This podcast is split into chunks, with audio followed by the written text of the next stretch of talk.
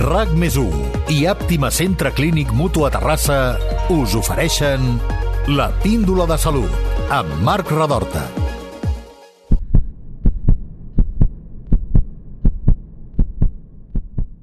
Als extrems, a la punta dels nostres ossos, hi ha una mena de teixit semitou format per proteïnes, sucre i aigua.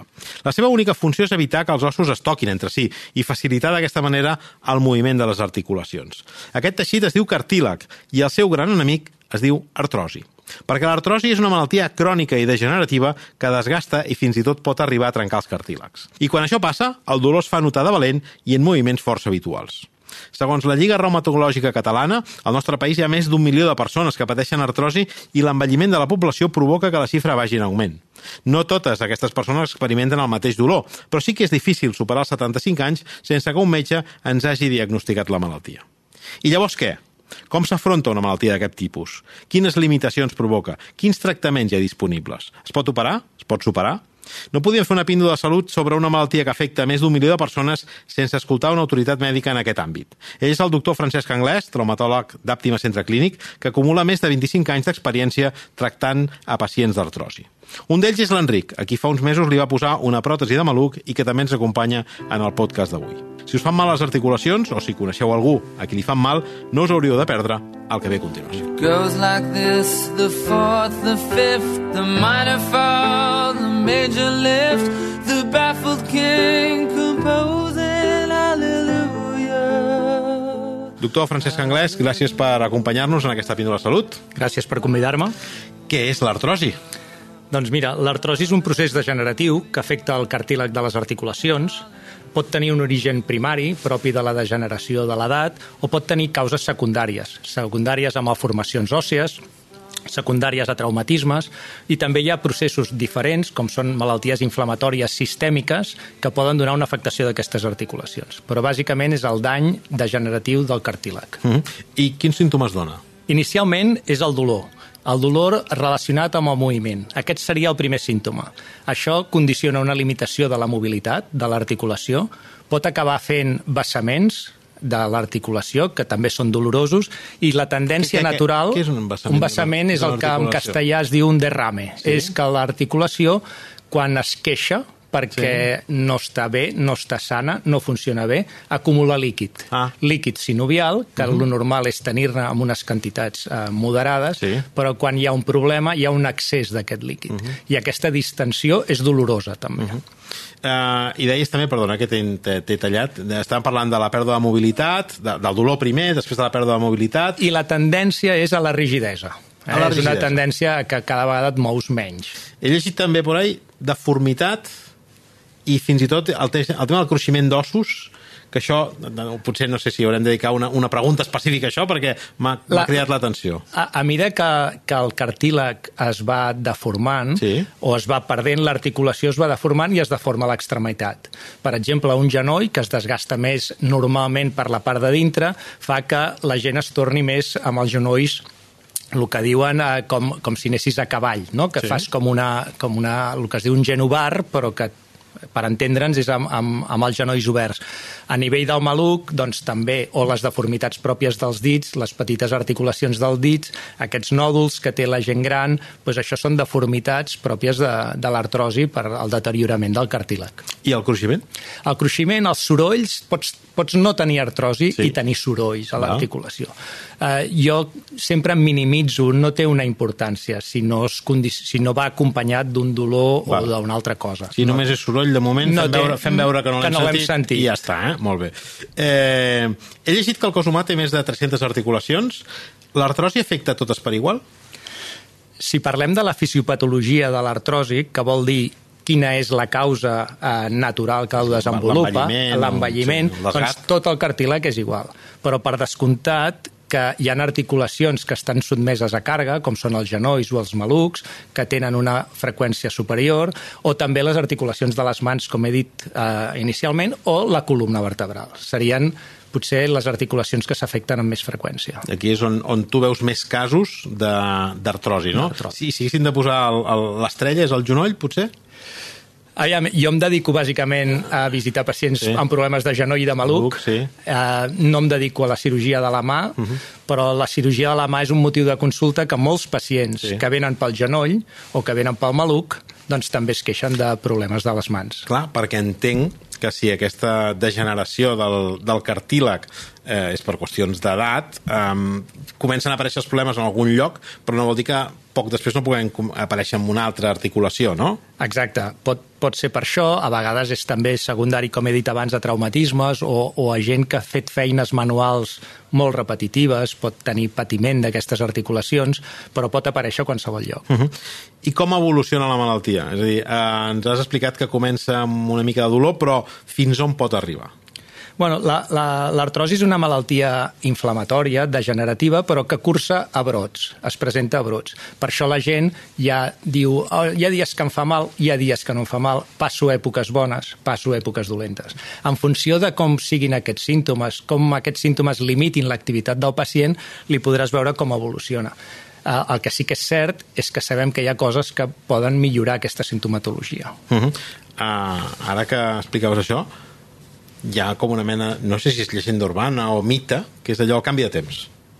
El temps afecta, el temps afecta. Quan, quan hi ha un canvi de temps, quan hi ha un no sé què, uh, tinc més dolor, no, noto més dolor. Això realment és així? Està demostrat? Això, o... això està demostrat i té relació amb els canvis de pressió bàsicament amb els canvis de pressió atmosfèrica. Atmosfèrica, em refereixo. Sí, no, no d'hipertensió. Eh? No, no, sí, sí. d'hipertensió. Sí, sí, no de pressió arterial, diríem. Exacte. Eh? Doncs la gent que, que té mals d'ossos, o si algú alguna vegada no té mals d'ossos, un pacient jove que no té cap artrosi, però ha tingut una fractura, sí. doncs durant els anys següents eh, té una, una major sensibilitat, a, encerta el canvi de temps tant com els professionals. Sí. Carai, és curiós. Eh, parlem de, de com s'afronten, sobretot els casos aquests més lleus, més incipients, és a dir, Eh, a mi em comença a fer mal alguna cosa, o que potser no vaig ni al metge i el primer que faig és automedicar-me i prendre'm aquell analgèsic, no? aquell, aquell antiinflamatori. Um, és correcte això? Com, com ho afronteu? Aquests casos més, més inicials, eh? El que, el que hi ha que explicar en, molt bé al pacient és que el que està demostrat científicament amb més rigor que va bé per l'artrosis inicial són coses que depenen del pacient. Tenir un bon control del pes, tenir una bona potència muscular i tenir una activitat física moderada o activa són factors protectors per l'artrosi. Què passa? Que la gent prefereix acabar abans i prendre's un antiinflamatori o un analgèsic, que serien la primera línia de tractament. Però també entenc que si tu això ho has estat fent és més difícil que et vingui l'artrosi. És a dir, és a dir, suposo que si et ve l'artrosi també és possible perquè tot això... És a dir, si tu fas exercici físic ja no tens sobrepès o ja no tens obesitat no, no I per que... tant ja no, ja, no, ja no perjudica tant les articulacions i, el, i els cartílegs. T'explico. Um, L'artrosi la tens igual, però ah, no et fa mal. Val. O sigui, el pacient que és actiu físicament durant tota la seva vida, uh mhm. -huh. li pots fer una radiografia i veure que té artrosi, però té una molèstia lleu, que millor si tingués una vida sedentària i tingués sobrepès, seria candidat a tractaments molt més agressius. I quan parlem dels casos més greus, més, més eh, agressius, que deies tu ara, um, aquests requereixen ja un, un altre tipus de, de tractaments que fins i tot poden ser la, la intervenció i les pròtesis, no? Eh, la pròtesi és, és l'últim esglaó de tractament, esglaó. Uh -huh. perquè és un esglaó que ja no tens tornada enrere. Va. Llavors, eh, el que ha de quedar clar és que el grau de gravetat de l'artrosi és com aquesta artrosi afecta a la persona. Si tu tens un pacient... Eh, una, una característica de l'artrosi és que no hi ha una correlació entre les imatges i els símptomes. Pots tenir pacients amb radiografies amb un grau d'artrosis alt, però que no tenen dolor, uh -huh. com he dit, per els seus hàbits, o pots tenir pacients amb un grau d'artrosi més baix, però molt limitats per les seves activitats. Al prendre una decisió de l'esglaó de tractament, eh, pots anar progressivament, però sapiguent que, com a últim recurs, el més previsible com a resultat és la cirurgia protèsica. Doncs anem a conèixer un d'aquests casos, en primera persona, que és el de l'Enric, aquí saludem ara mateix. Enric, gràcies per acompanyar-nos en aquesta píndola de salut, també. Hola. Com i quan apareix l'artrosi a la teva vida? Jo diria que al voltant dels, dels 40 eh, ara, ara en tinc 65, i, i apareix, eh, jo crec que el doctor anglès ho ha explicat molt bé, eh, com, com unes lleugeres molèsties a l'hora de caminar. Jo, jo, jo tinc, he tingut sempre una vida molt activa, he viatjat moltíssim i arriba un moment que aquesta molèstia, sobretot a la cama dreta, es va incrementant i et limita la mobilitat. Eh, hi ha un moment ja a partir dels 60 que jo em vaig trobar que havia de recórrer pràcticament a l'antiinflamatori o a l'analgèsic de, de forma molt habitual i la recomanació del, de la persona que em portava, que és el, el doctor Coscojuela, eh, un, un bon amic del, del doctor anglès, era tu has de decidir en el moment en què et vulguis operar, perquè la teva immobilitat i la teva rigidesa i el teu dolor se't fa insuportable. I quan va arribar aquest moment, eh, ell em va dir una cosa que, que sempre he tingut en compte, si m'hagués d'operar jo, m'ho faria el doctor anglès, eh, aleshores no vaig tenir cap dubte de posar-me a les seves mans. I, i, I, bueno, és una solució que encara que sigui la final per l'artrosi amb la cama que t'afecta, mm, és màgica. Uh -huh. ara, ara ho parlarem. Tu tenies antecedents familiars per això? Sí, eh, tant la mare com l'àvia com la besàvia, que és una cosa que, que, que potser li hauria de preguntar al doctor anglès si la genètica determina molt el, el fet de patir una artrosi. Sí, sí, quin, quin, quin paper juga els antecedents, la genètica en tot això? Eh, actualment sabem que hi ha uns gens relacionats amb l'artrosi. Uh Mhm. -huh. Però això és una cosa que jo sempre explico als pacients que són uns fets que no podem modificar. O sigui, si tu tens aquesta sí. genètica, eh, tens aquesta genètica. Que de fet és una predisposició genètica. Exacte. Si tens una mica més de números de loteria, però no és, no és Exacte. obligatori, no, no, no, no t'ha de tocar sí o sí, no? Més que no t'ha de tocar, és que hi han coses a fer insisteixo, Sí. de, de salut o d'higiene eh, o d'educació sanitària que poden fer que això no et dongui tantes molèsties o que ho puguis portar bé. I després també que l'estil de vida que portaven els nostres antecedents amb el que portem nosaltres i segurament amb el que portaran els nostres fills no té res a veure. Per descomptat que l'expectativa de vida i la qualitat de vida dels nostres pacients, jo tinc pacients amb 70, 80 anys que segueixen jugant a tennis o que jo els insisteixo que no s'han d'operar per jugar a tennis, però després és inevitable que ho fagin. Uh -huh. I al final és el que els hi dona la qualitat de vida i el disfrutar. Uh -huh. um, quins altres factors de risc hi ha, més enllà de la aquesta predisposició genètica que comentàvem? Um, també he sentit que la menopausa, en el cas de les dones, tampoc ajuda gens. Quins altres elements hi ha que ens puguin eh, perjudicar en l'evolució d'aquesta malaltia? A part dels que hem, hem comentat prèviament, Sí. sí. d'hàbits naturals d'obesitat, immobilització o poca activitat, la menopausa també té un factor molt important perquè comporta uns trastorns hormonals en, la, sobre, en les dones que tenen repercussió, a, a part en el sobretot en els tendons, en la qualitat de la musculatura i també eh, que condicionen modificacions en el pes o en l'índex de massa corporal. I tot això té una repercussió sobre les articulacions. I realment, doncs, eh, amb dones hi ha una major afectació potser de genolls que amb homes i també de les mans. Uh -huh. Uh, anem, tornem a la part aquesta una mica de la intervenció i de la pròtesi, en aquest cas de Maluc, que és uh, la que et van fer tu, Enric. Um, tu vas decidir una mica quan, vas decidir, assistit, diríem, uh, mèdicament, però uh, quin era el moment oportú?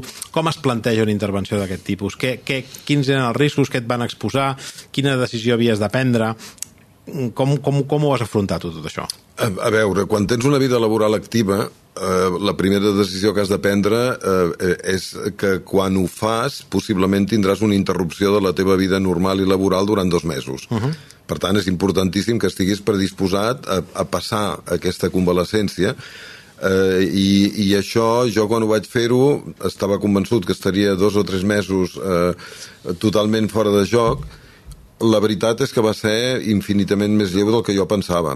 Entenc que també hi ha casos i casos. Jo tenia una vida molt activa, jo, jo caminava molt, eh, jo tenia moltíssima activitat i, per tant, la meva recuperació va ser molt ràpida. Uh -huh. Van ser 24 hores eh, immobilitzat al llit, a partir del segon dia vaig començar a anar amb crosses, a les 3 setmanes podia anar amb una crossa i pràcticament al cap d'un mes jo tornava a reprendre la meva vida amb, amb una certa normalitat i, i, i a més amb absència total eh, de dolor amb la fase inicial eh, que, que a mi em va meravellar perquè realment eh, no crec que sigui tampoc lo habitual perquè el procés inflamatori jo crec que és bastant més llarg, no? Jo volia comentar que l'Enric ha dit la paraula immobilitzar, que a mi em posa molt, molt nerviós, perquè el vam operar a la tarda i a l'endemà ja anava al lavabo. O sigui, va, va, va anar a dormir sí, sí. i a l'endemà es va llevar. És una immobilització eh? molt, molt, relativa, molt, molt eh? relativa, eh? molt relativa.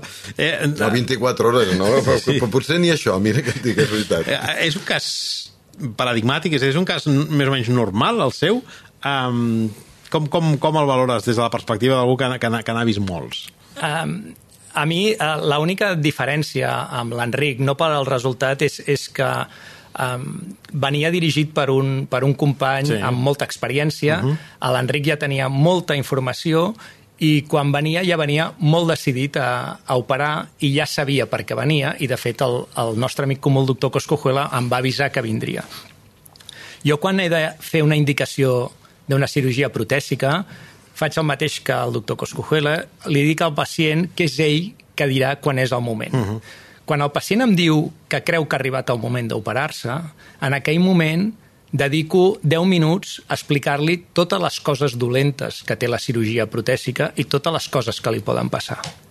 Si un cop passada aquesta conversa em diu moltes gràcies, doctor, però jo vull aquesta operació, Correcte. és que realment eh, li fa falta. Uh -huh. eh, llavors, amb l'Enric aquesta conversa va ser eh, bastant curta perquè ja tenia molta informació, però després el seu, el seu, la seva evolució clínica i això pues, ha estat eh, el, el normal, normalment amb un pacient jove eh, que té una patologia de maluc. Sí. Uh -huh. Com pròtesi de maluc està molt bé el concepte, però com més? Com ens l'hem d'imaginar? És a dir, què, què poseu al final a dintre del cos, de quin material, quina funció fa? És a dir, perquè em, em costa de, de visualitzar-ho. Molt bé, doncs eh, t'has d'imaginar una pelvis i un fèmur, sí, sí. perquè moltes vegades la gent quan diu el maluc es pensa que és la part de fora que ens toquem a sobre sí. de les butxaques. Això està ben bé a l'angonal, sí. a la pelvis, i en la pelvis hi ha un forat, sí. un, sot, un solc que és l'acetàbul, on hi va la, el cap del fèmur. Correcte, és on s'enganxa l'os de la cama.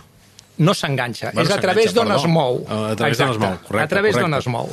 El que fem amb la pròtesis de maluc és a nivell de la pelvis posar un component acetabular que és una semiesfera que va impactada aquí dintre i a nivell del fèmur fem un tall a nivell del coll i posem un implant a dintre del canal medular.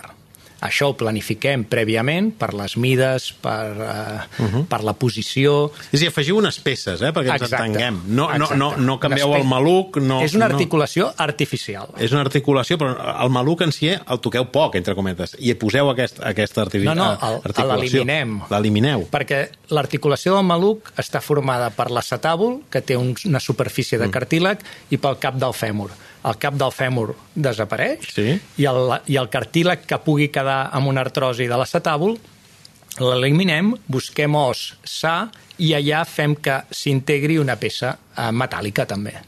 Uh, I això, que deu de més a més, tot això deu d'haver canviat moltíssim, no?, des del punt de vista de materials, tecnologia dels, en els darrers anys. Entenc que no, les pròtesis d'avui no deuen de ser tan, molt similars a les que es feien, no sé, fa, fa 20 o 30 anys, o no ha canviat tant això? Jo crec que el concepte no ha canviat, sí? però sí que ha millorat el material. Correcte. Eh? Els materials, eh, el problema de les pròtesis eh, així és, és el desgast. Uh mhm. -huh. El desgast perquè passa a ser un material inert, sí. que no té capacitat de regenerar-se, com té el cartílag o l'organisme, i que comença a fer un frec i que això comporta un desgast. Aquestes superfícies de frec són millors i duren més anys. Um, en un cas com el de l'Enric, no, no és descartable que hagi de passar també pel quiròfan per resoldre altres eh, problemes d'artrosi en altres articulacions. M'imagino inclús l'altra cama, no? És a dir, això mm, pot passar, està sobre la taula... Uh, notes notes una... mal a l'altra cama ja, tu, Enric? Sí. Sí, ja comences a notar... No, precisament hem, hem pres un cafè abans i, i li estava comentant que com que la solució de la dreta ha sigut tan genial, ara la que em dona, la que em dona guerra és la no operada. De l'operada no me no n'entero. Uh, sí, que, sí que és cert que hi ha pacients que tenen afectació als dos costats i moltes vegades t'ho pregunten. Jo si veig una articulació al costat de la que he de treballar, perquè sempre fem eh, exploracions eh, dels dos costats, Correcte. ja sigui dels genolls, dels malucs, sí. però si jo veig que té artrosi a l'altre costat i el pacient ni me'n parla, el que no faig és angoixar-lo i dir-li que també ho té. Correcte. perquè al final, eh, si no li dona problemes, és igual que ho Sí, sí. sàpiga o no, Bueno. que sigui feliç. Sí, el sí. dia que tingui Sí, sí. problemes, doncs ja m'ho dirà. Sí, sí. Eh? Però jo anar generant pacients si no els hi fa mal, no cal. No cal, no cal. Però és relativament freqüent, no? És relativament freqüent. Sí, sí. Um, hi ha altres tractaments que permetin regenerar els cartílegs sense necessitat de passar pel quiròfan? Um, personalment, penso que fer servir la paraula uh, regeneració s'ha de ser molt curós. Uh, sí que hi ha recerca amb, amb teixits, amb regeneració de teixits, però encara no hi ha un gran suport com per fer-ho eh, de manera sistemàtica. Eh, hi ha bones expectatives i bons resultats amb alguns grups de recerca seriosos, però com passa amb tot, eh, hi ha altres alternatives que no, ton, no són tan serioses i parlen de regeneració quan realment no ho és. No. Jo crec que el futur va cap a la biologia, sí. cap a la regeneració, però encara no es pot parlar de que sigui un tractament amb resultats previsibles eh, en segons quines situacions. Havia llegit el tema dels tractaments en cèl·lules mare, que estan en una fase molt inicial i que hi ha una bona expectativa al voltant d'això, però que és, és complicat. És a dir, ara mateix no, no, no és una solució, diríem, no? Encara... Um, Jo, jo, crec que pot ser una solució en determinats casos, per descomptat que en situacions com les que té l'Enric eh, jo crec que no, no, és, eh, no, no ho contemplaria, però en casos inicials es podria, explicant molt bé les expectatives que pot eh, tenir, eh, es podria provar, però jo crec que no es pot garantir un resultat encara. I uh, em venen preguntes al cap, eh? Uh, clar, per exemple, preventivament, per saber una mica com tenim els nostres ossos, es fan uh, les proves de... Uh, Uh, ara, ara, ara aquí hi ha, un, hi ha no, la, la, os, osteometria, no Densitometria. densitometria, això, densometria o denso, Densitometria. densitometria que et diuen la, la, la, la resistència dels ossos, no? Això amb els cartílegs es pot fer? Uh, és diferent. És diferent. La densitometria mira la qualitat òssea. Correcte. Eh? La qualitat òssea es fa per jo crec que s'ha de fer una densitometria si en funció d'aquells resultats has de fer un tractament hormonal substitutori uh -huh. o algun tipus de tractament per prevenció, sobretot de fractures, però no d'artrosi. Uh -huh. Són conceptes diferents. Sí, sí, sí. Per veure l'estat del cartíleg no hi ha proves, No hi ha. perquè al final és el que he dit inicialment, eh, el que tractem són els símptomes d'aquests problemes. Tu pots tenir un desgast de cartíleg però que no et faci gens de mal. Uh -huh. eh, I paraules com col·lagen? Què, què, què, què, què ens, on ens hauríem de portar? Mm, mira, tot, tot el tema de, de productes um, que hi ha per tractar l'artrosi, jo sempre els dic als meus pacients, perquè és una pregunta freqüent, uh -huh. que no hi ha una base científica que pugui demostrar que aquests medicaments canvien el curs natural de la malaltia, això és cert, i està demostrat científicament, però quan un entra en una farmàcia i veu una paret plena de productes, fins i tot jo me'ls he pres i al final els deixes de prendre, perquè hi ha un component antiinflamatori que pot anar bé, però no canvia el curs. No, això, això no et cura. Això, Ah, això t'apaivaga el dolor, però no et cura, no? Pot apaivagar-ho, Pot. pot o no. O no. Jo el que sempre explico és que almenys siguin productes econòmics, que no entrin en una dinàmica d'un producte que el porten d'Alemanya i que val No. 200 euros. Uh -huh. Això crec que no és honest. En tot jo, cas- Jo, jo, si em permets, Sí, sí, sí, sí, tant. amb tots els malalts d'artrosi hem passat per una etapa en la que hem intentat atenuar el dolor amb col·làgen i tal, i al final arribes a la conclusió que hi ha unes grans operacions comercials i, i has de confiar en la paraula del metge i amb el que et diu el metge que al final tenen el, el contrast i la, i la informació adequada. I et pots estalviar molts calés si tens sentit comú i confies en el professional. El, els metges prescriviu col·lagen? No. Jo, jo eh, el prescric avisant Avisant? del que acabo de dir. Correcte. I el prescric si no el és una- pacient m'ho demana. I no és una, no és una solució ni miraculosa, No. ni... Jo l'únic que dic és que compri un que no sigui car. Mm. Això és l'únic que li dic. I després hi ha un altre tipus de tractaments, com són les infiltracions amb àcid hialurònic Sí. o com són les infiltracions en plasma ric en plaquetes, que tots aquests tractaments tenen, s'ha d'explicar molt bé, que poden tenir un efecte antiinflamatori uh -huh. i de millorar els símptomes, però s'han d'explicar molt bé les expectatives que es pot tenir amb això. I crec que això té una indicació amb aquells pacients que tenen dolor però no prou per operar-se o que tenen dolor i no volen operar-se o que tenen unes contraindicacions de la seva salut que que impedeixen passar per una cirurgia d'aquest tipus. Aquesta seria la pantalla intermitja, no? Exacte. entre l'analgèsic o l'antiinflamatori i la intervenció de la Exacte. protèsica, no? de la pròtesi que us dieu. Ja per acabar, si volem reduir el risc de patir artrosi, de patir la malaltia, què hauríem de fer? Quines recomanacions preventives podem donar? La primera ja me la sé eh? que és la de perdre pes, eh, perquè és el que, el que fa que, que, que perjudiqui, no? que pressioni els nostres cartílegs. Um, quina per, és? Perdre pes amb una dieta adequada, sí. vivim a, a la zona de dieta mediterrània, doncs sí. tenir una dieta adequada i perdre pes, fer activitat física Correcte. amb moderació, bellugant-se, uh -huh. eh, no, no, no empitjorarà l'articulació eh, per caminar o per fer gimnàs o per anar en bicicleta. Empitjorarà molt més si ens quedem asseguts en un sofà menjant mm. patates fregides. Sí. Això és fatal. I l'altra cosa és exercici de força, de millorar la musculatura, que és la que mou l'articulació i també la protegeix i estabilitza. I això és molt important. Un exercici de força que puguem fer a casa, que no calgui apuntar-se a un gimnàs, què, què, què pot ser? Què entenem per un exercici de força? Mira, si parlem a, a, a, a nivell d'extremitats inferiors, sí. doncs a, elevacions de cama, em canso d'explicar als pacients sèries d'elevacions de, de cama per potenciar el quàdriceps. Uh mhm. -huh. Si tenen un problema de l'articulació del genoll, doncs ho han de fer amb la cama recta. Si no tenen un problema del genoll, es pot fer doblegant i estirant, que és molt més eficient. Uh mhm. -huh treball de la musculatura glútea, treball de, la, de lo que es diu el core, la musculatura abdominal per equilibrar la pelvis. Tot aquests, tots aquests exercicis milloren la salut uh -huh. i prevenen, prevenen els símptomes de l'artrosi. Uh -huh.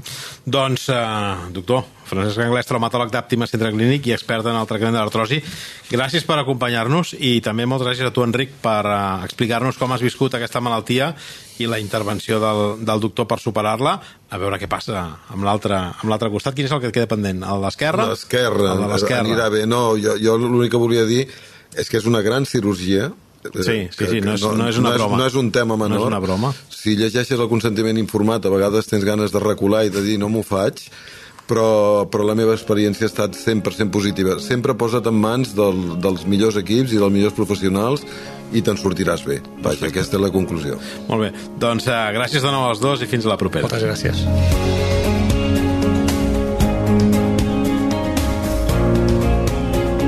La píndola en un minut. L'artrosi és la degeneració dels cartílegs i és una malaltia extraordinàriament comuna. Es calcula que a Catalunya hi ha més d'un milió de persones que pateixen artrosi, tot i que no totes pateixen al mateix nivell de dur. L'artrosi es pot prevenir. La recomanació bàsica és controlar el pes i fer exercici físic de manera regular. Això farà que les nostres articulacions es mantinguin en bon funcionament. Si, malgrat la prevenció apareix el dolor, cal acudir a la visita d'un traumatòleg per veure quin és el tractament més adequat. Hi ha moltes opcions. La rehabilitació, l'administració d'antiinflamatoris, les infiltracions o fins i tot les cirurgies de pròtesis. Les articulacions que acostumen a patir més són les que hi ha als genolls, als malucs, a les mans i a la columna. Totes tenen l'opció de la cura de la cirurgia, si bé el quiròfan sempre és l'última opció que recomanen els especialistes.